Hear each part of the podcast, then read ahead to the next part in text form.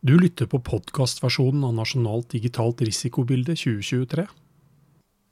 Kvanteapokalypsen kommer. Start forberedelsene nå. Gjennom 50 år har kryptografien utviklet seg stadig raskere. Nå står vi overfor et vitenskapelig paradigmeskifte. I verste fall kan alt vi trodde var kryptert, bli knekt på et øyeblikk. Hva skjer når alle koder knekkes? Det er dette som populært kalles kvanteapokalypsen. Kryptografi er fagfeltet man snur seg mot om man på en eller annen måte behøver å sikre kommunikasjon fra uvedkommende. Dette er det mest grunnleggende og desidert eldste fagfeltet i cybersikkerhet, med en historie som kan spores tilbake til før Kristus. I Norge begynner overgangen til moderne kryptografi på 1930-tallet, med mye hemmelighold. Siden den gang har vi gjennomgått en internettrevolusjon og flyttet oss fra hemmelighold og mystikk til åpenhet i forskning og internasjonale standarder i kryptografi. I dag krever vi at enheter snakker sammen på tvers av formfaktor og teknologi, og fra ulike produsenter. Arbeidet med kryptoalgoritmer, protokoller og det vitenskapelige grunnlaget for sikkerheten foregår ikke lenger bak lukkede dører, men gjennom internasjonale samarbeid mellom industri, akademia og myndigheter. Dagens koder vil bli knekt. Alt fra kredittkort og F-35 kampfly til moderne dørlåssystemer er i dag avhengig av at de kryptografiske mekanismene i bunn er sikre. Alt dette står nå overfor en trussel som historisk sett er i rivende utvikling. En kryptoanalytisk relevant kvantedatamaskin. Kvantedatamaskiner er datamaskiner som utnytter egenskapene ved fysikkens aller minste bestanddeler. Dette er partikler som oppfører seg svært forskjellig fra det vi er vant med, og disse egenskapene kan utnyttes til å lage kvantedatamaskiner. Mange antar i dag at en kvantedatamaskin vil bli bygget innen år 2030. Denne vil være i stand til å knekke mye av dagens kryptografi. Med andre ord, alt det vi trodde vi kunne holde hemmelig, vil bli lest som en åpen bok av den som greier å utvikle den første kvantedatamaskinen. NSM oppfordrer derfor alle virksomheter til kryptosmidighet når de planlegger oppgradering av IT-systemer. Om en kryptoanalytisk relevant kvantedatamaskin dukker opp i 2030, vil en betydelig andel av dagens IT-systemer være direkte sårbare mot angrep og avflytting. Det er viktig å merke seg at en aktør kan masselagre kryptert kommunikasjon i dag, for så å bryte seg gjennom krypteringen til klarteksten den dagen kvantedatamaskinene blir tilgjengelige. Derfor er disse systemene allerede sårbare mot en kvantedatamaskin. Forskningskappløpet er i gang. En kvantedatamaskin kan bli nyttig til å løse problemer innen områder som finans og kjemi lenge før den blir kraftfull nok til å forsere kryptografi. Dagens offentlige forskning er naturligvis også motivert av slike anvendelser, og ikke av å forsere kryptografi.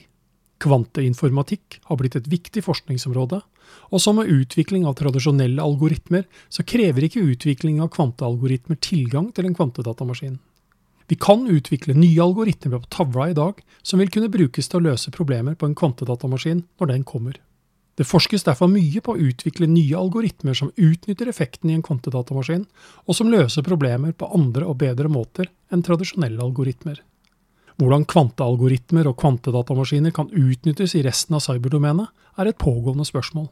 Men det vi vet, er at dette har blitt et kappløp mellom bedrifter og mellom nasjoner, hvor målet er å ha den dominerende kapabiliteten i den andre enden av tunnelen. Pass på implementeringen. De dagligdagse angrepene som forbigår krypto, handler vanligvis ikke om sårbarheter i selve kryptoalgoritmene, men i at utviklingen av et produkt har implementert kryptografien på en dårlig måte. Dette ble kalt feil bruk i 40-tallets andre verdenskrig, kryptoanalyse og var hovedgrunnen til at de allierte var i stand til å forsere krypterte kommunikasjonslinjer.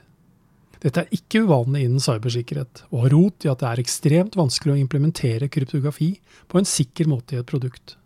Så når man skal velge leverandør av et kryptoprodukt, så er det ikke først og fremst sikkerheten til selve kryptoalgoritmene man bør bekymre seg for, men leverandørens evne til å implementere hele systemet sikkert. Heldigvis gjelder dette også for designere av skadevare og kryptovirus. Vi har sett mange suksesshistorier hvor dårlig håndverk hos de kriminelle har satt oss i stand til å gjenvinne et kryptokapret IT-system uten tilgang til nøkkelen på grunnlag av feil bruk. De nye standardene for internettkryptering vil ha helt andre typer for feil bruk enn de gamle, og implementasjonssårbarheter i kvanteresistent kryptografi er derfor høyt på agendaen fremover. NSM bidrar i denne prosessen. Start arbeidet nå. Men hva nå? Alle er enige om at vi må forflytte oss til kvantesikre IT-systemer så raskt som mulig. NSM anbefaler at norske virksomheter som har planlagt innkjøp av store IT-systemer, bør vurdere om leverandøren har konkrete, realistiske planer for migrasjon til kvantesikker IT. Uten dette vil man stå i fare for å oppleve store endringskostnader i fremtiden hvis nye lover krever bruk av kvanteresistent kryptografi for beskyttelse av sensitive opplysninger. Løsninger er på vei, om man ønsker å beskytte informasjon i lang tid, bør man allerede i dag planlegge for overgangen til kvanteresistente IT-systemer. Å bytte ut kryptoalgoritmer med nye kvantesikre standarder eller innføre andre risikoreduserende tiltak, f.eks. hybridkryptering, medfører store kostnader. Og Derfor anbefaler NSM at eiere av informasjonssystemer med en viktig nasjonal funksjon utpeker en ansvarlig som kan redegjøre for kvantesårbare algoritmer i egne systemer eller tar høyde for potensielt merkostnader for å oppnå kvantesikkerhet når man vurderer leverandører av informasjonssystemer opp mot hverandre. National Institute for Standards and Technology har nylig publisert konkrete forslag til standarder. Disse er resultatet av et intensivt arbeid siden 2017. NSM har deltatt aktivt i dette internasjonale standardiseringsarbeidet, og representerer også Norge i kryptospørsmål i Nato. Vil du vite mer? NSM har publisert en kort veiledning som kan hjelpe virksomheter med migrasjonsprosessen. Se våre nettsider nsm.no for mer informasjon. NSM åpner nytt kryptosenter. I oktober 2023 åpner NSM Nasjonalt senter for anvendt kryptologi. Senteret skal samle nasjonal kompetanse innenfor kryptologi og styrke samarbeidet mellom myndigheter, akademia og kryptoindustrien.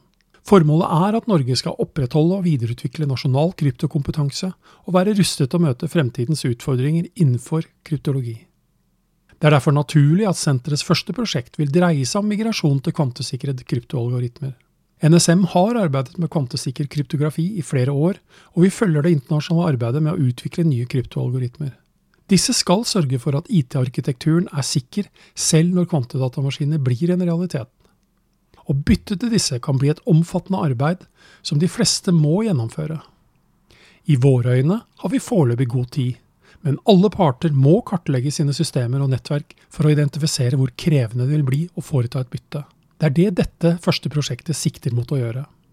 I Sikkerhetsfaglig råd tar NSM til orde for å videreutvikle kryptosenteret til et nav for kompetanse og industriutvikling på viktige teknologiområder som kvanteteknologi, bioteknologi og kunstig intelligens. Det nasjonale innovasjonssenteret for sensitive teknologier skal samle fagpersoner fra myndigheter, akademia og industri for å utvikle og ta i bruk sikkerhetsløsninger som ligger i forkant av teknologiutviklingen. Formålet er både å se på hvordan vi som nasjon kan sikre oss mot trusselaktørers bruk av ny teknologi, f.eks. For forebyggende tiltak mot digitale angrep som utnytter kunstig intelligens, hvordan vi kan styrke sikkerheten med bruk av ny teknologi, f.eks. bruke kunstig intelligens for å avdekke og stoppe digitale angrep, og hvordan vi best kan utnytte ny teknologi for å gi sikrere, bedre og mer effektive samfunnstjenester. Du har lyttet til podkastversjonen av Nasjonalt digitalt risikobilde 2023, og mitt navn er Roar Thon.